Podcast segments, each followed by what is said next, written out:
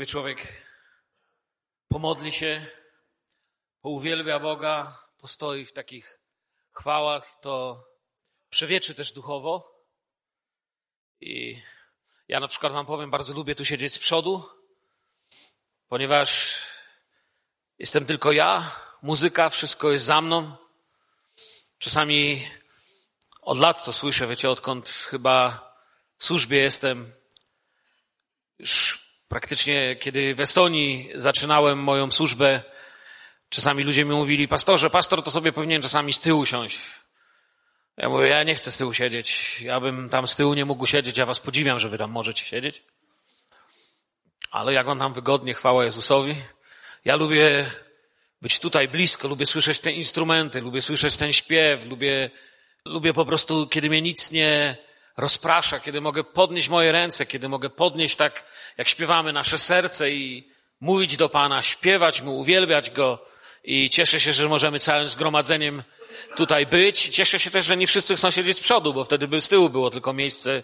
I wiecie, też wszyscy z przodu nie mogą siedzieć, trochę jak w samochodzie, no ktoś musi siedzieć z tyłu. Ale wierzę, że gdziekolwiek siedzicie, bo to nie ma znaczenia w sumie, macie czas, gdzie możecie uwielbiać Boga, gdzie możecie się pomodlić, gdzie potraficie w zgromadzeniu Bożym, w zgromadzeniu pańskim wyłączyć się tak trochę i zostawić na chwilę różne sprawy, a wszystko, czym jestem, wszystko, co we mnie, przynieść przed Boże oblicze. Amen. Chciałem, zgodnie zresztą z tym, co tam zostało napisane w naszym programie na czas świąt i Nowego Roku, mówić dzisiaj o byciu uczniem. Wiele razy z tego miejsca to mówiłem. Szkoła, uczeń, nauczyciele, to jest taki świat, takie środowisko, które wszyscy znamy. Praktycznie większość z nas, którzy tutaj jesteśmy, może z wyjątkiem tylko tych naprawdę najstarszych braci i sióstr, którym przerwała wojna, większość z nas w jakiś tam sposób spokojnie przechodziła do szkoły. I wiemy, czym jest szkoła, i wiemy, co to znaczy być uczniem. Szkoła to uczniowie i nauczyciele. Zastanowiliście się kiedyś nad słowem nauczyciele? Powiedzcie nauczyciele, powiedzcie to głośno. Nauczy kogo? Właśnie. To, to jest jakieś. Wiecie, szkoła to jest, kiedy przychodzimy i my nic nie wiemy, czyli jesteśmy jak ciele, a naprzeciwko nas staje ten, który chce nas co? Uczyć. I on nauczy ciele, nauczy ciel. Oczywiście to jest trochę zabawa z językiem polskim, ale w jakiś sposób, dokładnie w taki, tak samo wygląda to, kiedy zaczynamy uczyć się u Pana Jezusa. Bo jeśli chodzi o duchowe rzeczy, też naprawdę niewiele wiemy. Kiedy człowiek się nawraca, kiedy człowiek się pierwszy raz przybliża do Boga, to jest trochę jak taki pierwszoklasista. Pamiętacie, jak się szło do pierwszej klasy? Człowiek, kiedy miał już tą torbę, kredki, ołówek, zeszyt, pierwszą książkę, myślał, że już wszystko wie o szkole, co o szkole trzeba wiedzieć. Ja pamiętam, kiedy przyszedłem do Jezusa w pokucie, kiedy się nawróciłem i kiedy zostawiłem te takie no, podstawowe grzechy. Ja się nawróciłem już w takim wieku, że na przykład ja już paliłem papierosy, wróciłem z armii, był komunizm jeszcze wtedy.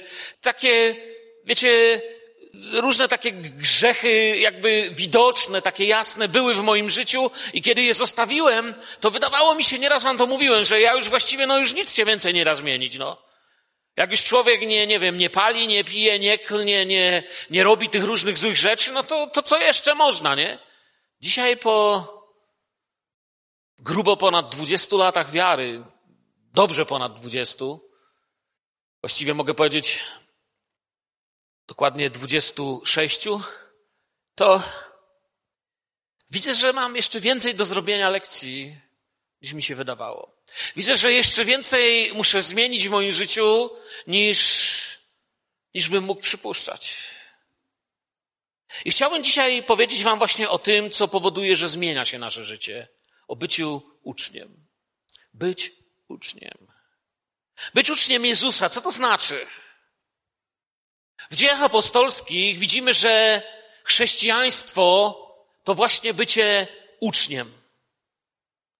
O Barnabie na przykład w dziejach apostolskich czytamy, że poszedł, potem poszedł do Tarsu, dzieje apostolskie 11:26, aby odszukać Saula, a gdy go znalazł, przyprowadził go do Antiochii i tak się ich sprawy ułożyły, że przez cały rok przebywali razem w zborze i nauczali wielu ludzi. W Antiochii też nazwano po raz pierwszy uczniów chrześcijanami.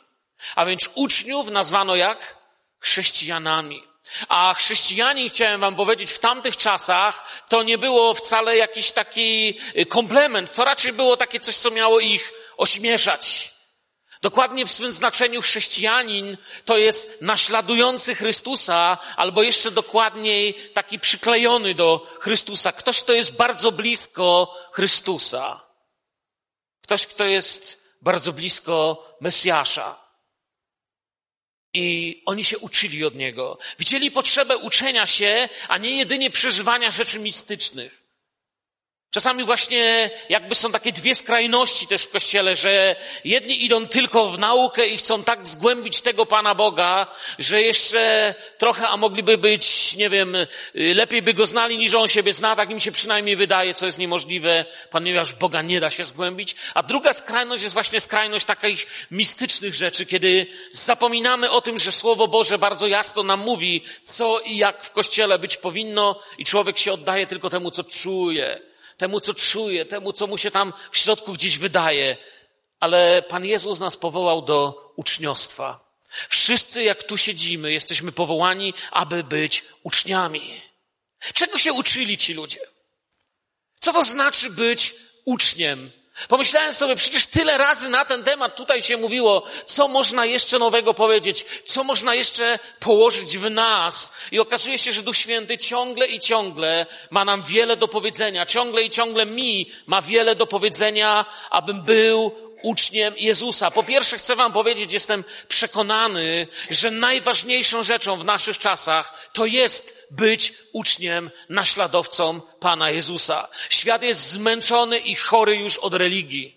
Świat jest chory i zmęczony symbolami. Ludzie mają dość symboli, religii, tej takiej, wiecie, nauki zgłębiającej Boga tak, że już właściwie nikt go nie może zrozumieć. A zwykły, samotny grzesznik na tym świecie, który poszukuje ratunku, chce zobaczyć ucznia, który zwyczajnie na co dzień naśladuje Jezusa. Ale popatrzmy jeszcze raz na ucznia, na taką definicję ucznia. Kim jest uczeń? W ogóle, ogólnie, kim jest uczeń? Prawie każdy z was w życiu był uczniem, prawda? Tak jak mówię, może chyba jeśli jest tu ktoś z pokolenia, któremu przerwała wojna, moja mama z takiego pokolenia pochodzi, Wiem, że już kiedyś wam tutaj opowiadałem, kiedy zawsze jestem poruszony, kiedy mama wspomina czas 1 września, kiedy miała iść do szkoły, kiedy przygotowała 31 sierpnia, przygotowała sobie torbę, zawsze opowiada, kredki, zeszyt, książkę, fartuszek z białym kołnierzykiem jeszcze wtedy. A 1 września zaczęły spadać bomby 1 września obudziły ich syreny, rozpoczęła się wojna w 1939 roku i nie poszła do szkoły. Dopiero rok później wszystko na nowo ruszyły szkoły i tak dalej, ale to już pod okupacją. Ale ogólnie, jeśli nie jesteście z tego pokolenia, to każdy z was był w szkole i w jakiś sposób rozumie, co to znaczy być uczniem. Dosłownie uczeń oznacza osobę, która od drugiej osoby czegoś się uczy. To jest uczeń. Uczeń oznacza tego, który patrzy na nauczyciela i chce jego wiedzę przejąć dla swojego życia. Nie wie wszystko, ale chce się nauczyć. Kolejne testy pokazują, jak nauczył się tego, co mówił do niego nauczyciel. Nie wiem, czy teraz też się tak robi, ale w moich czasach było coś takiego, że czasami nauczyciel wchodził do klasy, robił taki uśmiech, wyglądał wtedy jak kobra, która szuka ofiary i mówił, wyciągamy karteczki, proszę podpisać z prawej strony. Wszyscy wiedzieliśmy, co znaczy. Nie wiem, czy teraz się robi takie kartkówki, czy nie, ale wtedy podpisywaliśmy kartkę i wiecie, najczęściej za to się dostało nie taką ocenę, jak się chciało. Różnie to było. Trzeba było być gotowym, ale tak naprawdę testy pokazują, jak słuchaliśmy nauczyciela, a życie potem pokazuje, czy była to wiedza przydatna, czy uczyliśmy się we właściwym kierunku, czy to, co nauczyliśmy się, przydało nam się w życiu. Nie wiem, czy jest tutaj ktoś z was, kto jako uczeń nie mówił, a po co mi ta matma? Niektórzy mówili, ważne, żebym umiał liczyć pieniądze, a reszta po co mi? Prawda? A po co mi to, a po co mi tamto? Czasami się zastanawiamy, po co nam coś jest, ale życie nam pokazuje, czy nasza wiedza jest przydatna. Wiele razy spotkałem kogoś, kto kończył szkoły, studia z wyróżnieniami, ale niestety kończył taki kierunek, szedł w takim kierunku, że w życiu się mu to potem w ogóle nie przydało. Mam nawet takiego przyjaciela, bliską mi osobę, która skończyła z wyróżnieniem szkołę. Najpierw licencja z wyróżnieniem, potem magistra z wyróżnieniem. I właściwie bardzo wysokie wykształcenie osiągnęła. Problem w tym, że z tej dziedziny, w której się uczył ten człowiek, nie jest nikomu potrzebny. Pracuje na centralce telefonicznej, łączy rozmowy i pomaga sprzątać w wielkiej firmie. Teraz naszym, naszym nauczycielem jest Jezus. Jestem uczniem Pana Jezusa. Czy to, co mówi Jezus, może mi się przydać? Ja wiem, że my wszyscy od razu powiemy, no tak, no jakby można było powiedzieć, że nie. W końcu w kościele jesteśmy bracie, wszyscy wiemy, amen i się przyda. Ale tak naprawdę zadajcie sobie to pytanie. Do czego przydało ci się to, co nauczyłeś się Jezusa? Dlaczego chcesz się uczyć od Jezusa? Nie bójcie sobie, nie bójcie się zadawać sobie pytań. Nie wiecie, my nie, jest, nie podlegamy cenzurze. Nie, Bóg nie jest dyktatorem, który chce, aby tak jak było, wiecie, za czasów dyktatury, za Stalina, jak ktoś coś źle powiedział, to nieważne, czy tak myślał, czy zadawał pytanie, ale poszedł siedzieć. Bóg w ten sposób nie działa. Bóg chce, żebyś sobie naprawdę zadał pytanie. Chcesz iść za Jezusem? A dlaczego? Jezus sam zadawał takie pytanie ludziom. I mówił, ja wiem, czemu przyszliście. Dostaliście jeść? Widzieliście cuda? Doświadczaliście uzdrowień? Co jest w waszym sercu? Jezus chciał być nauczycielem, który zadaje uczniom konkretne pytanie. Dlaczego za mną idziecie? Co tak naprawdę chcecie osiągnąć? Co jest waszą miłością? Wiecie, tak jak mówię, można skończyć studia i być doktorem, nadal nie mając przydatnej życiowej wiedzy. Ponieważ jedną rzeczą jest wiedza, a drugą rzeczą jest mądrość. Wiedza jest rzeczą ludzką. Wiedzę nabywamy jako ludzie, i to jest to, co my robimy. Mądrość natomiast jest darem od Boga. I czasami człowiek ma wielką wiedzę, ale nie ma mądrości. A czasami można spotkać bardzo prostego człowieka, który nie ma prawie żadnej szkoły, ale wszyscy przyznają, że ma wielką mądrość, ponieważ mądrość jest darem. Ale wracam do ucznia. Uczeń zaczyna od tego, że wie, że nie wie, i to, że kiedy przychodzi pierwszy raz do szkoły i nic nie wie, to go nie czyni złym uczniem. Nikt nie krzyczy na dziecko w pierwszej klasie, aleś ty głupi, pisać nie umiesz. No on właśnie dlatego przyszedł do szkoły. I dlatego też, kiedy do kościoła ktoś chodzi, kościół musi stać się kościołem dla grzeszników. Kościół nie może oceniać ludzi według tego, czy są już wystarczająco religijni, czy wystarczająco poznali nasz chrześcijański język, ale myślę, że powinniśmy zatęsknić, żeby tacy duchowi pierwszacy, duchowa pierwsza klasa przyszła w nasze progi. Może to będą pierwszacy z siwą głową, z wąsami, z brodą, może już na emeryturze, może koło czterdziestki, koło trzydziestki, ale pierwszacy u Pana Boga całkiem nowi, jeszcze nic nie wiedzą. I nikt nie może mieć do nich pretensji. Oni jeszcze nic nie wiedzą. Uczeń zaczyna nie wiedząc nic, ale to go nie czyni złym uczniem. A więc co ucznia czyni złym uczniem? To, że kiedy zaczyna nic nie wie, nie czyni go złym uczniem. Potem zaczyna się uczyć.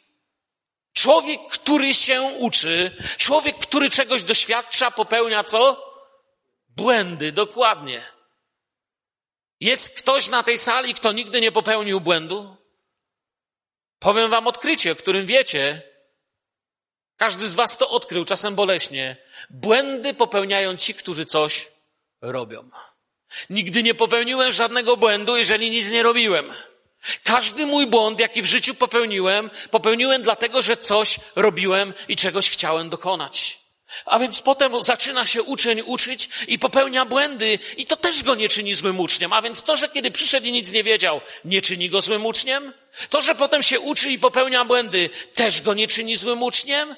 Testy i próby, jak mówię, pokazują, czego się nauczył.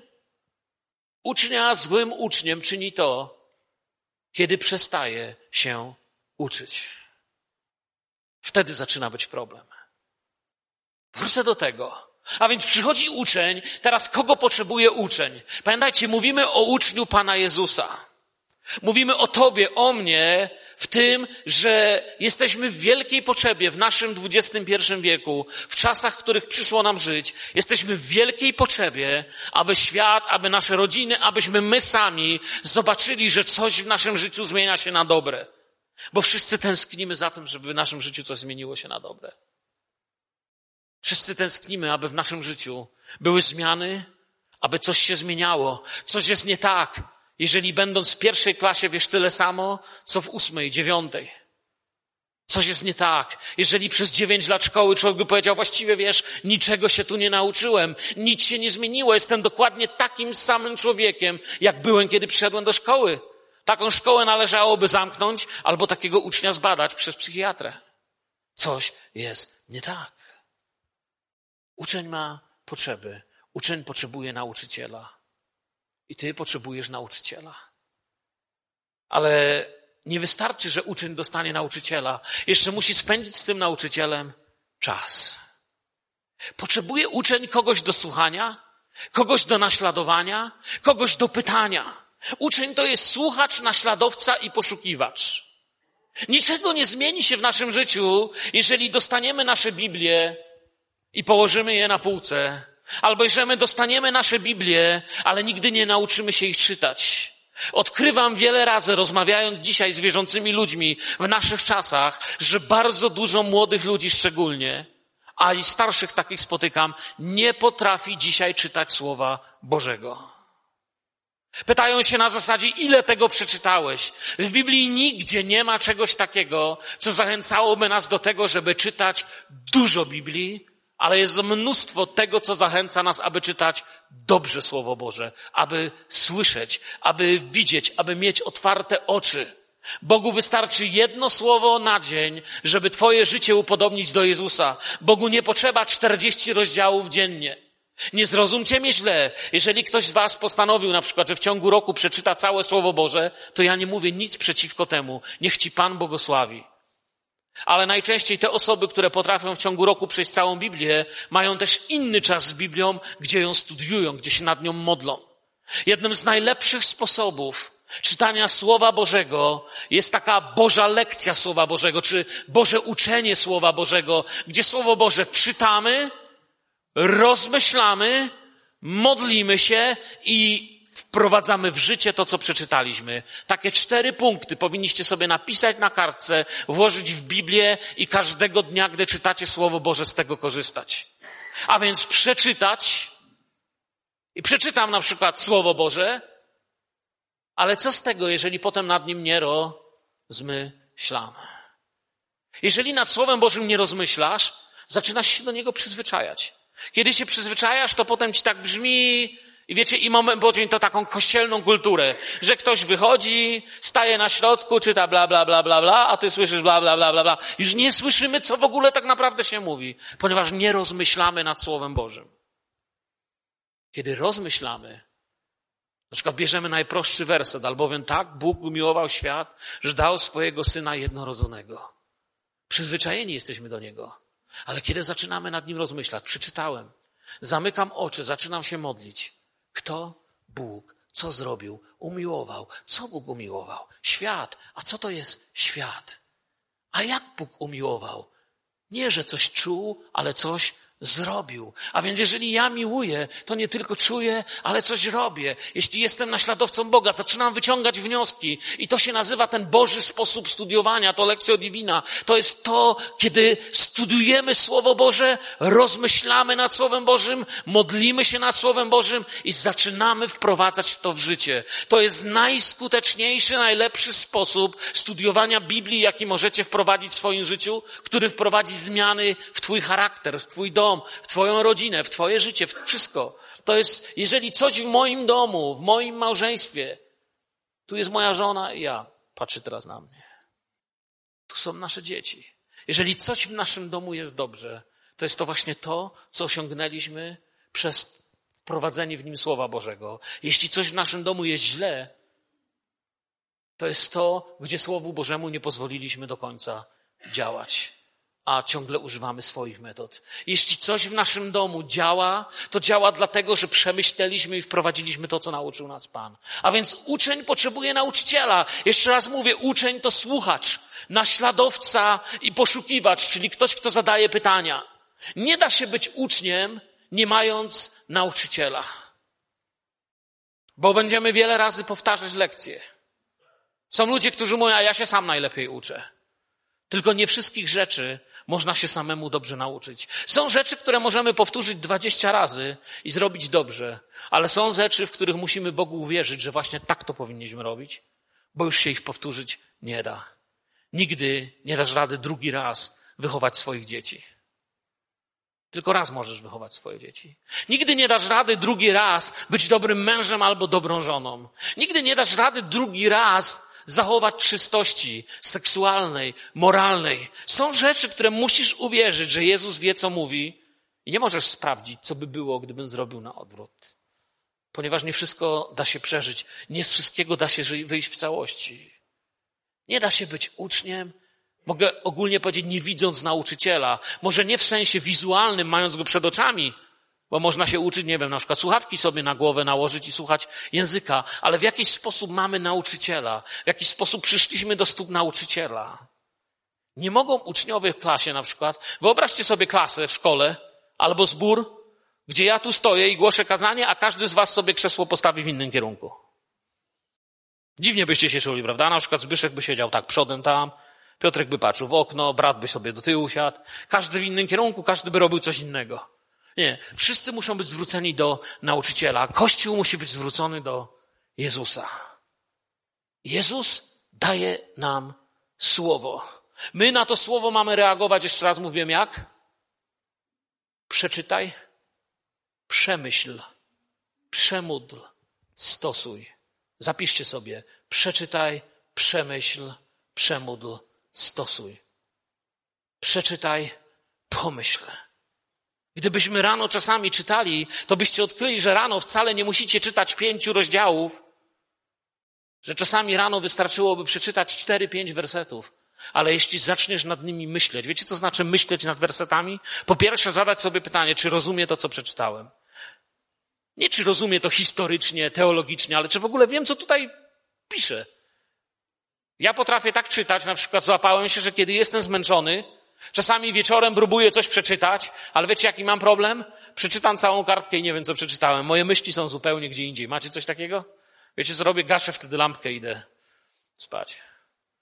Łapię się na tym, że nic już nie wiesz. I czasami tak Słowo Boże czytamy.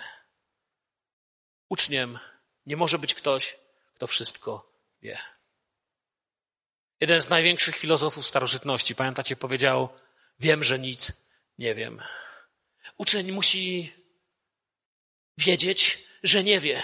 Być uczniem, być uczniem Jezusa, to po pierwsze przyznać się, że nie wiem. Panie, ja nie wiem, jak żyć. Nie wiem, jak być żoną, jak być mężem, jak być rodzicem, jak być synem, jak być córką, jak być chłopakiem, jak być dziewczyną. Ja nie wiem. Wydaje mi się, że to, co wiem, to wiem, ale nie jestem pewny, czy to jest dobre i czy zadziała. Dlatego przychodzę do Ciebie, bo nie wiem. I to jest pierwsze, najlepsze, co możecie zrobić, jeśli się już nawróciliście i postanowiliście iść za Jezusem. Nawróćcie i iść za Jezusem, to oznacza między innymi ogłosić Jezusa nauczycielem swojego życia. Nie da się być uczniem, jeśli wszystko wiemy. Wyobraźcie sobie, że wchodzisz do klasy, a uczniowie ci mówią, my, my wszystko wiemy. Nauczyciel, wiecie, zresztą w świecie nawet nie lubi, kiedy wszystko wiemy. Ja raz pamiętam, jak mnie jeden z nauczycieli wyprosił z klasy. Bo akurat był lekcja w temacie, który było moje hobby i on wiedział, że akurat w tym temacie to ja nie mówię, że we wszystkim, w większości rzeczy on wiedział tysiąc razy więcej niż ja. Ale przyszło do tematu, który był moim hobby. Był to nauczyciel historii.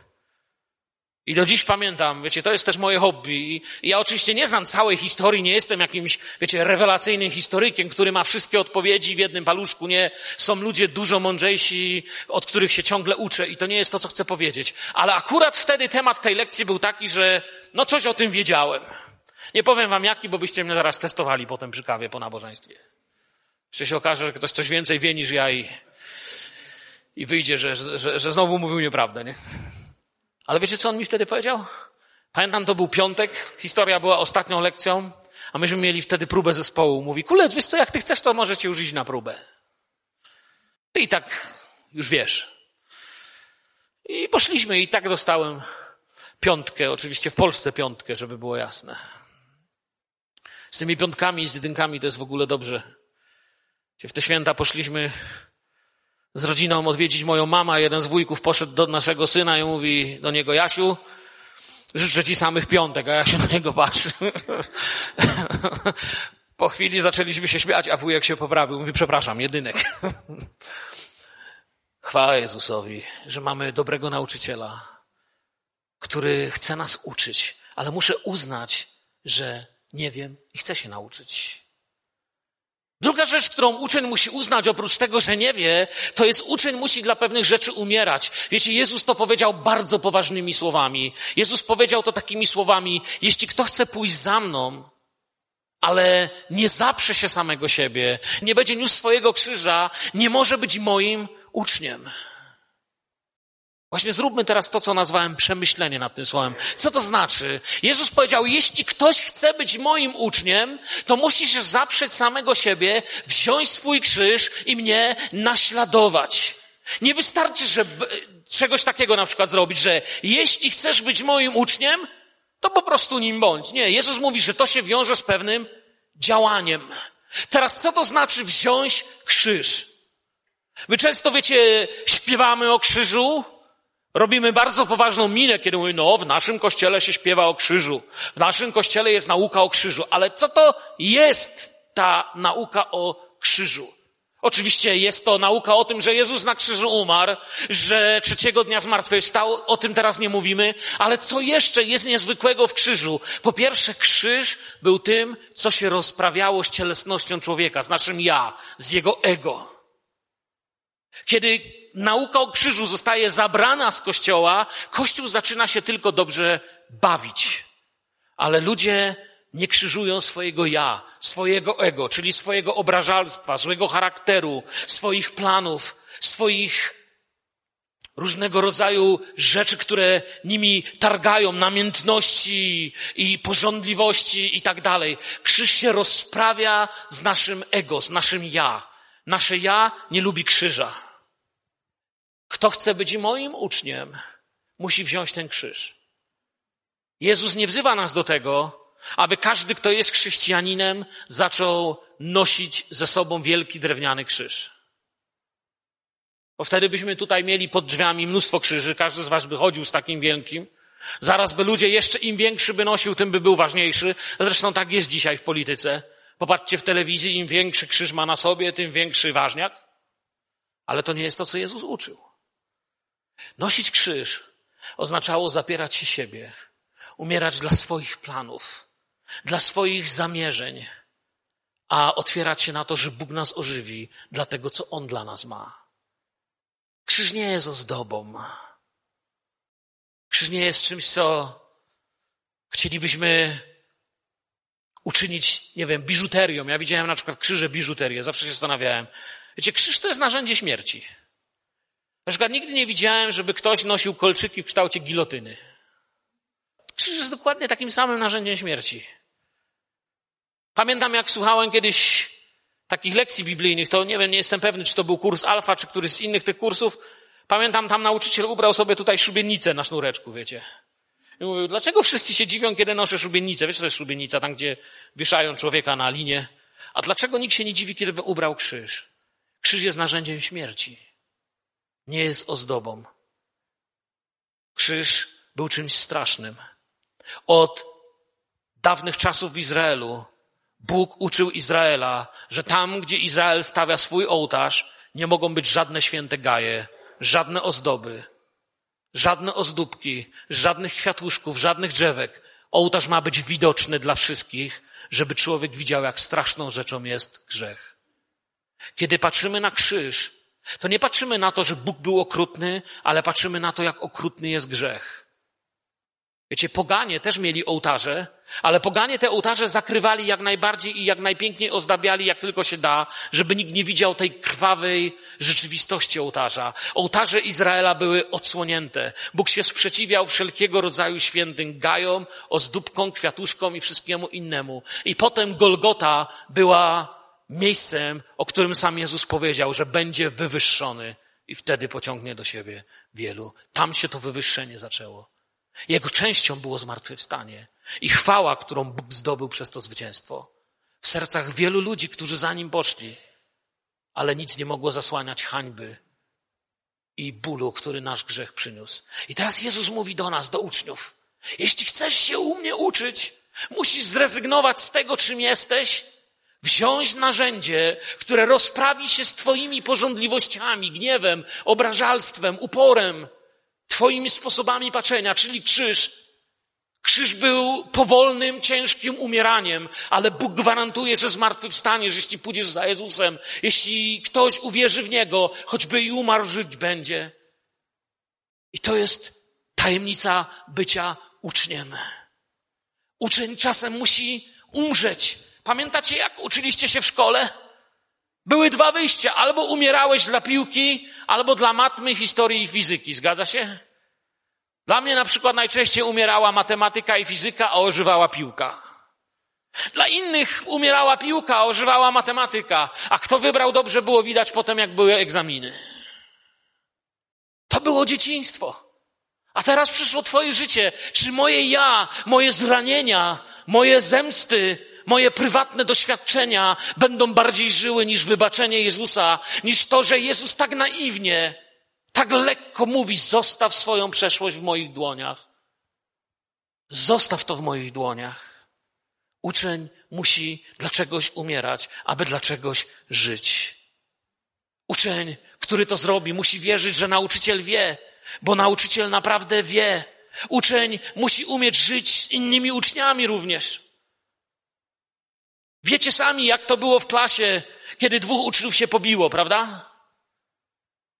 Nigdy nie byłem w szkole, w której dwóch chłopaków by się zaczęło bić, a nauczyciel by powiedział, Jasiu, wlej mu tam mocniej jeszcze za mnie. Nigdy. Nauczyciel natychmiast reagował. Nieraz za ucho do dyrektora szliśmy, tak. Pamiętacie to? Ja wiem, wyście byli wszyscy grzeczni, tylko ja taki byłem.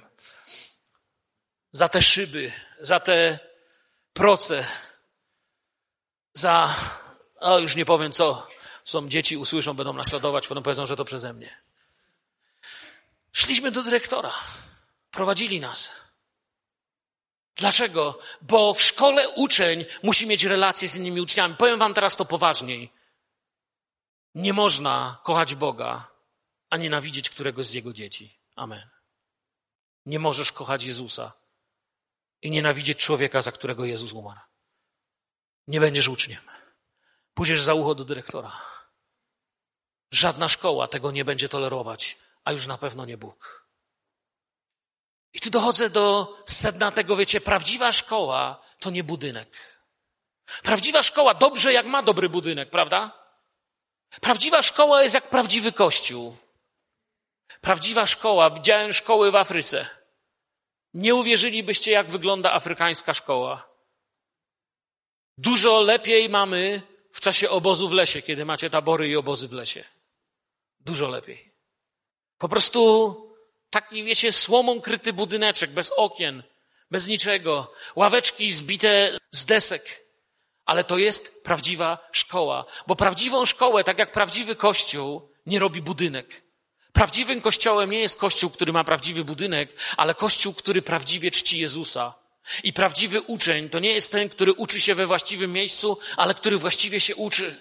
Prawdziwa szkoła to nie budynek, to uczniowie i nauczyciel. Prawdziwy kościół to nie budynek, to uczniowie i Jezus. Jeszcze jedną ciekawą rzecz odkryłem, kiedy patrzyłem na szkołę i wspominałem. Wiecie, co pamiętam, co nam zawsze dyrektor mówił? Żebyśmy pamiętali, jak się zachowujemy po szkole, ponieważ przynosimy naszej szkole albo wstyd, albo chwałę. Ponieważ albo naszą szkołę chwalą, albo się trzeba za nią wstydzić. I nagle odkryłem, że opinia o szkole to nie jest zachowanie uczniów, u nauczycieli, ale zachowanie uczniów. Nikt nie ocenia szkoły według tego, że pan z matematyki nikogo nie zbił po lekcjach. I nikt nie ocenia kościoła według tego, że Bóg nikomu nikt nie zrobił.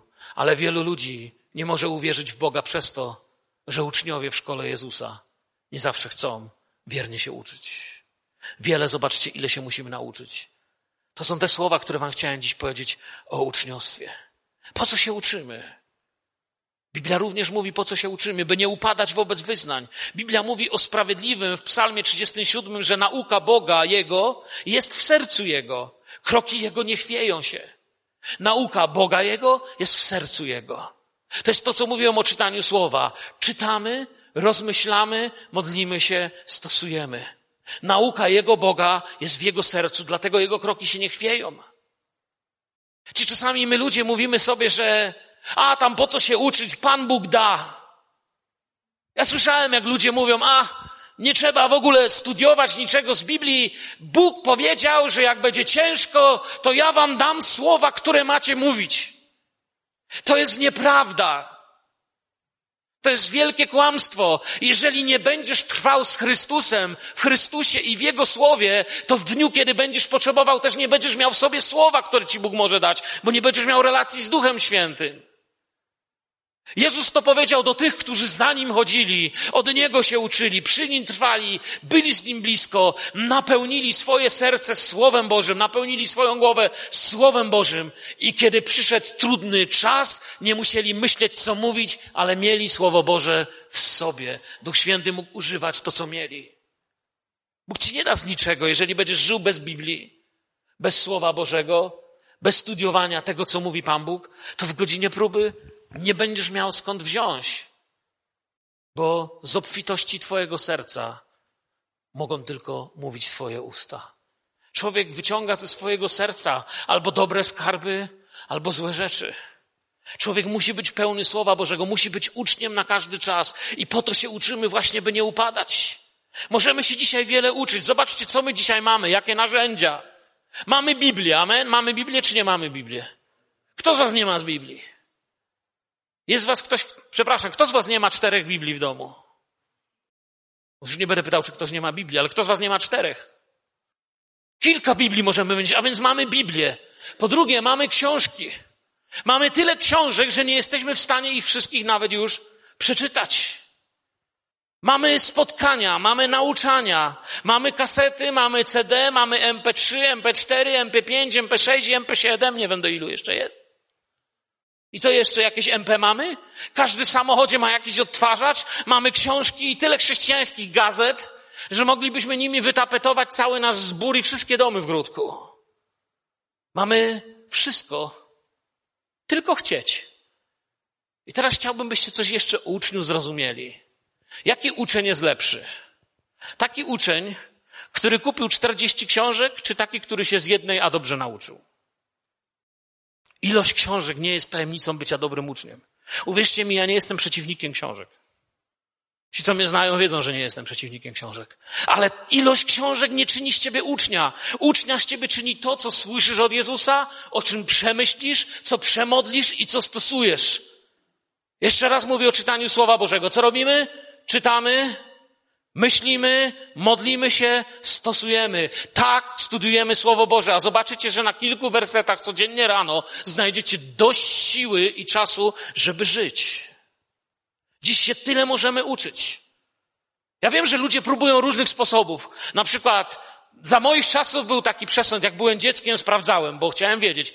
Nie wiem, dzisiaj chyba już dzieci w takie rzeczy nie wiedzą, ale myśmy mieli tak, że ktoś mi powiedział, że jak włożę książkę pod poduszkę, widzę te głowy, niektórzy już wiedzą, co chcę powiedzieć, prawda? Jak włożę książkę pod poduszkę, to rano, jak się obudzę, to wszystko, co jest w tej książce, będę wiedział. I w ten sposób mógłbym włożyć 10 książek i jakoś niewygodnie się wyspać i być od razu doktorem. Problem polega na tym, że uczeń musi naprawdę się uczyć. Nie ma drogi na, na skróty. Kto chce pójść za mną? Jezus mówi, musi się zaprzeć siebie. Kto będzie próbował siebie i będzie próbował swoich sposobów, ciągle nie będzie skutecznie za mną chodził. Jeżeli będziemy trwali w słowie i jedną rzecz dobrze robili, to się zacznie odbijać w naszym życiu. Po co? Po to, by nie przynieść wstydu. Wiecie, w drugim liście Tymoteusza Paweł pisał do młodego Tymoteusza, dołóż starania, byś sam stanął przed Bogiem jako godny uznania pracownik, który nie przynosi wstydu, trzymając się prostej linii prawdy. Zwróćcie uwagę, co tu nie pisze i co tu pisze. Przeczytam wam, co tu nie pisze. Przeczytam wam ten werset tak, jak my niektórzy wierzący wierzymy, ale to jest nieprawda. I tutaj tak nie pisze, ale ja to celowo źle przeczytam. Pan Bóg postara się, żebyś stanął przed Nim jako godny uznania pracownik, który nie przynosi wstydu. I Pan Bóg Ciebie utrzyma na prostej linii prawdy. Czy tutaj tak pisze? Nie, ale brzmi dobrze, nie? Nie, tutaj pisze, dołóż starania Ty. To Ty decydujesz, jak się chcesz uczyć. Bóg Cię na siłę nie będzie trzymał. Nie ma człowieka na tym świecie, którego by opętał Duch Święty. Duch Święty nie czyni niewolników.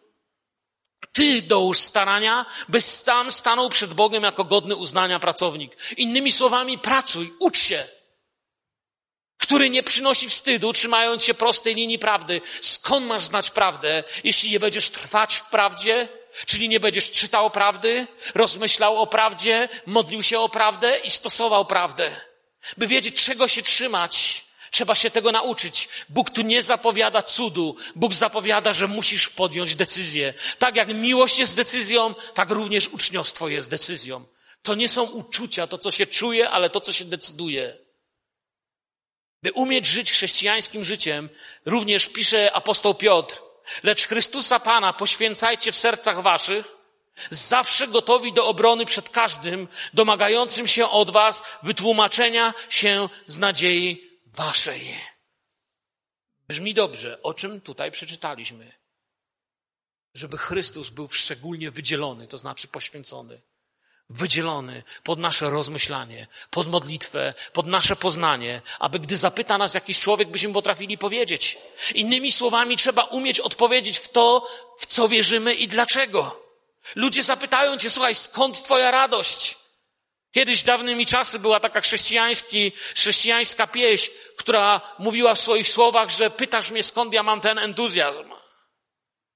Dzisiaj śpiewamy o radości często tak, jakbyśmy na stypie byli. Ludzie zapytają, skąd masz radość, jeśli znasz Jezusa. Gdzie ty się tego nauczyłeś? Nie możesz się na nich wtedy gniewać. Wy ateiści, nic nie wiecie. Idziecie do piekła.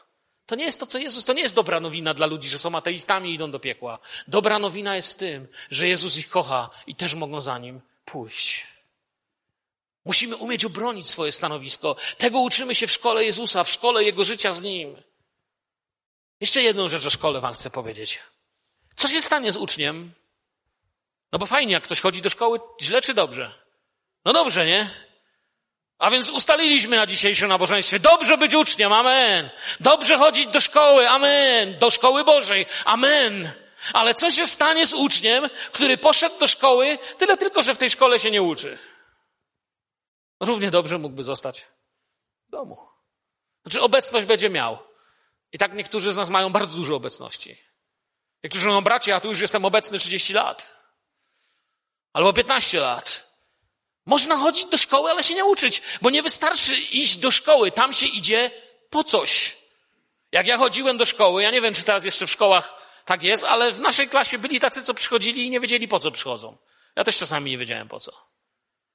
Nauczyciel się ich pyta, człowieku, po coś ty tu dziś przyszedł? Masz zadanie? Nie mam. Masz zeszyt? Nie mam. Masz długopis? Nie mam. Nic nie ma.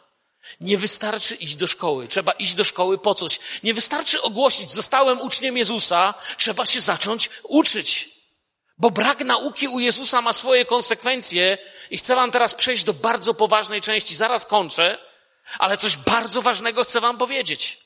Jeżeli się nie będziesz uczył w szkole, to możesz zostać w którejś z klas.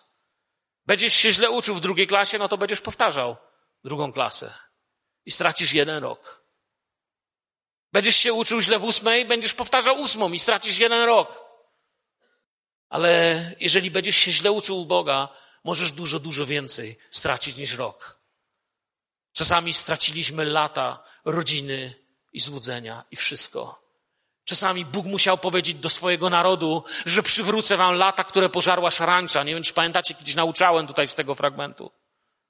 Bo tyle stracili, że się wydawało, że jest nie do odrobienia. I Bóg jakimś cudem dawał im to odrobić. Ale wiecie, lud mój ginie, mówił prorok Ozeasz w czwartym rozdziale swojej księgi, w szóstym wersecie, początek szóstego wersetu. Lud mój ginie, gdyż brak mu poznania. Ginie, bo nie wie. Ginie, bo brak mu poznania, ponieważ ty odrzuciłeś poznanie i ja ciebie odrzucę, abyś nie był kapłanem. Wiecie, co tutaj pisze? To jest potężne słowo. Powiem wam tak po naszemu, co tu pisze. Bóg mówi, ludzie giną, bo nic nie wiedzą z duchowego życia. Ponieważ odrzuciłeś poznawanie duchowego życia, nie będziesz mógł dzielić się Ewangelią z innymi, bo to jest to, kim jest kapłan. Słowo kapłan oznacza most, oznacza przejście, oznacza połączenie. Kapłan był połączeniem. My jesteśmy królewskim czym? Kapłaństwem, połączeniem, ludem odkupionym, nabytym świętą krwią Jezusa. Królewskie kapłaństwo oznacza, że przez nas Bóg może mówić do tego świata, bo to jest właśnie kapłan. Jesteś kapłanem. Wiesz o tym, że jesteś kapłanem? Biblia mówi, że nim jesteś. Masz palec? To pokaż na siebie palcem. Jestem kapłanem. No pokażcie na siebie palcem. Jestem kapłanem. O! Niektórzy nie mają odwagi. Nie, on jest kapłanem, ja nie. Jesteś kapłanem. Innymi słowami, kim jesteś? Jesteś mostem. Taki most, po którym nie można przejść na drugą stronę ani przejechać, jest do niczego. Jesteś mostem, po którym może dobra nowina przejść do grzesznika, a jego rozpacz i jego problemy znaleźć się przed Bogiem. Jesteś dzieckiem Bożym, kapłanem żywego Boga, królewskim kapłaństwem wybranym do tego, aby dzielić się Ewangelią, aby światu powiedzieć o Jezusie. Wiecie, to z tego wersetu mógłbym całe nauczanie zrobić. To nie jest dzisiaj mój temat. Ale Bóg mówi, że jeśli odrzucamy to, nie będziemy mogli głosić Ewangelii. Jeśli odrzucamy poznanie, lud ginie, chociaż nie widać trupów na ulicy. Lud ginie z braku poznania i nie od razu widać trupy na ulicy. Wiecie, kiedy zaczyna lud ginąć z braku poznania, to się dzieje tak samo w kościele, jak się działo w dawnym Izraelu. Nie od razu się zaczynało od tego, że się trupy martwych ludzi na ulicach poniewierały. Najpierw umierały relacje z Bogiem. Najpierw, najpierw zaczynają martwe być nasze kościoły, relacje, rodziny, małżeństwa. Nie wiem jak u was, w Polsce ponad 40% małżeństw kończy się już rozwodem. Przynajmniej tu na Śląsku martwe, umiera, a potem, potem na trupy przyjdzie czas, ale najpierw umiera to, co jest relacją, co jest dobre. Wiecie, naród ginął, nie padał, nie padał na zawał serca, ale wchodził w niewolę. Wiecie, jak Izrael ginął z braku poznania? Nie ginął od razu tak, że przyszedł ktoś i zamordował wszystkich Żydów. Nie. To też się działo, ale potem najpierw stawali się niewolnikami. Wierzący, który zrezygnuje z poznania, nie od razu padnie trupem i nie od razu pójdzie do piekła. Najpierw staniesz się niewolnikiem tego, co cię weźmie w niewolę. Bo bycie uczniem ma swoje zasady i prawa. Mówił więc Jezus do Żydów, którzy uwierzyli w Niego, jeżeli wytrwacie w słowie moim, prawdziwie Uczniami moimi będziecie i poznacie prawdę, a prawda was wyspowodzi. Jana 8, 31, 32. Zapiszcie sobie i zastosujcie moją dzisiejszą metodę. Czytamy, rozmyślamy, modlimy się, stosujemy. Można być uczniem, nieprawdziwie Jezus tutaj mówi. To nie tylko jest brak wytrwania w naśladowaniu Jezusa, to jest tutaj też odrzucenie prawdy i brak efektu naszej nauki. To oznacza, że będziesz chrześcijaninem, którego chrześcijaństwo nie przynosi żadnych efektów. Będziesz trwał w religii tak, jak alkoholik trwa w alkoholizmie. Czyli wydaje mu się, że im więcej pije, tym bardziej jest szczęśliwy, ale codziennie rano odkrywa, że tak naprawdę jest mniej szczęśliwy. I tak żyje dziś wielu wierzących ludzi. Modlą się o jedno, nie ma odpowiedzi. Modlą się o drugie, nie ma odpowiedzi. Planują jedno, nie udaje się. Planują trzecie, czwarte, piąte, nie udaje się. Modlą się jedną, drugą, trzecią, piątą rzecz, nie udaje się. I nie zadają sobie pytania, czy Bóg zawsze mówi nie? Czy Bóg zawsze milczy? Co jest nie tak z moim życiem? Czemu moje życie nie ma sensu? Chcesz być uczniem? Jak się napełnisz, to zacznie działać. Nie możemy wiedzieć lepiej niż wie Bóg i mówić do Boga, że jest naszym Panem. Bo kiedy postępujemy według siebie, mówimy mu, może nie ustami, ale czynami. My wiemy lepiej niż ty. Ja wiem lepiej, jak się rozprawić z moimi wrogami, z moimi długami, z tym, jak zarabiać, z tym, jak wydawać, z tym, jak żyć, z tym, jak mówić do żony, do dzieci, jak pracować, co zrobić, kiedy nie mam pracy, kiedy mam pracę, kiedy jest mi dobrze, kiedy źle. Nie będę stosował się do twojego słowa. Nie mówimy tego słowami. Ale uczynkami mu pokazujemy, że w gruncie rzeczy wydaje nam się, że wiemy lepiej. Wiecie, odrzucenie nauki Jezusa nie zawsze jest takim aktem buntu, że odrzucamy tą naukę. Czasem odrzucenie nauki Jezusa, wiecie czym jest? Zwykłą obojętnością. Ktoś mówi na przykład w zborze, potrzebnych jest pięciu ludzi, żeby się o coś pomodlić. My nie odrzucamy, a idźcie z tą swoją modlitwą. My tego nie mówimy. Ale wstajemy i idziemy do domu obojętni na potrzeby ludzi, kościoła, okolicy, bliskich. To jest obojętność. Odrzucamy naukę mistrza obojętnością. Ale przyjdzie czas oceny, uczniowie. Pamiętacie, jak chodziliście do szkoły? Kto was oceniał z geografii? Nauczyciel z historii? Nie, nauczyciel z czego? Z geografii. Kto z was oceniał z matematyki? Nauczyciel z polskiego czy z czeskiego? Mm, nauczyciel z matematyki.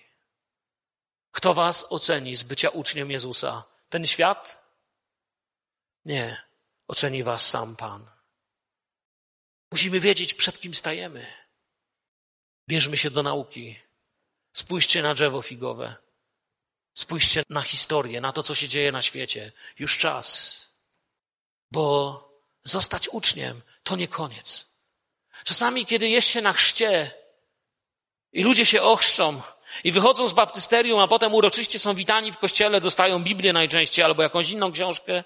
Niektórzy z nich sprawiają wrażenie, jak gdyby się im wydawało, że doszli do wszystkiego, załatwili wszystko w kościele. To nie jest koniec, to dopiero początek. Jesteś uczniem, to dopiero początek. Wyobraźcie sobie świadectwo. Macie wszyscy świadectwa ze szkoły, prawda? Matematyka, polski, czeski, rosyjski, nie wiem, włoski, angielski, geografia, historia, chemia, biologia i tak dalej, i tak dalej. Koło każdego przedmiotu jest napisane co? Ocena. A co byście zrobili, gdybyście zobaczyli inne świadectwo? Ja sobie pomyślałem wczoraj, co bym zrobił ze świadectwem, gdybym zobaczył takie świadectwo. Świadectwo ucznia Jezusa, Mirosław Kulec ale nie pisałoby na tym świadectwie matematyka, język polski, język czeski. Pisałoby tak, świadectwo ucznia Jezusa Mirosław Kulec. Łagodność, miłosierdzie, modlitwa, ewangelizacja, Boża ekonomia. Czy moim nauczycielem jest Jezus? Czy jestem uczniem Jezusa? Zrozumieliście my, co powiedziałem teraz? Dzisiaj może nam się wielu nauczycieli nie podobać, jeśli chodzicie do szkoły. Ale każdy z tych z was, którzy ma tutaj już na tej sali troszkę więcej jak 20 lat, a może nawet i, i już tacy, co mają 20, ale jak już masz tak 40, 50, jak wspominacie tych nauczycieli, którzy najbardziej chcieli was nauczyć? Dobrze, prawda? Inaczej myśli o tym, że na przykład dostał w tyłek Jasiu, a inaczej o tym myśli 40-letni Jan, prawda? Czasami widzimy, że to, co robił nam ojciec, nauczyciele, było dla nas jakie? Dobre. Kiedy tam dojdziemy, zobaczymy, że wiele rzeczy, które dzisiaj przeszliśmy, które przechodzimy na tym świecie i wydają nam się straszne, Bóg od początku wiedział, dokąd idziemy, co się stanie i że tak naprawdę są dla nas dobre. Bóg współdziała ku dobremu z wszystkimi, którzy chodzą w każdą niedzielę do zboru. Tak czy nie? Wyczytajcie więcej Biblii. Pisze, Bóg współdziała ku dobremu z wszystkimi, którzy Boga miłują. Bóg współdziała ku dobremu z wszystkimi, którzy Boga miłują. Zapraszam do szkoły, uczniowie. Powstańmy, podziękujmy Jezusowi za Jego dobroć, za Jego cierpliwość, za Jego prowadzenie. Bóg współdziała ku dobremu z wszystkimi, którzy Boga miłują. Panie, wyznajemy Tobie dzisiaj, że chcemy być uczniami, chcemy Ciebie miłować. Chcemy Ciebie kochać i chcemy uczyć się od Ciebie. Panie, naucz nas wybaczać, jak Ty wybaczałeś. Patrzeć na świat, jak Ty patrzyłeś. Rozmawiać z bliźnim tak, jak Ty rozmawiałeś. Chodzić, jak Ty chodziłeś po ulicach ludzi, ludzkiej codzienności, ludzkich nieszczęść, ludzkiego płaczu. Panie, wyznajemy Ci, że chcemy być odpowiedzią dla Grudka, dla okolicy. Chcemy być odpowiedzią dla ludzi żyjących w naszych czasach. A często, Panie, nie mamy odpowiedzi na swoje własne troski. Panie, wyznajemy Ci, że wielu lekcji jako uczniowie nie odrobiliśmy w naszym życiu. Wyznajemy Ci, że wiele rzeczy jako uczniowie nie nauczyliśmy się dobrze, tak jak należy. Dziękujemy Ci, że Ty możesz przez Twoją łaskę darować nam nasze winy i pozwolić nam spróbować z Tobą. Wyznaję Ci, że w wielu dziedzinach naszego życia chcemy z Tobą. Panie, już nie wierzymy w nasze metody. Wierzymy w Twoją łaskę, w Twoje miłosierdzie, w Twoje prowadzenie. Prowadź Twój Kościół jako uczniów Jezusa, jako Twoich uczniów. Oto w Twoim imieniu, o Twój cud prosząc, stoimy tutaj, potrzebujemy Twojej mądrości, Twojej opieki, Panie. Wyznajemy Ci to w Twoim świętym imieniu. O, w imieniu Jezusa jest nasze zbawienie. Amen.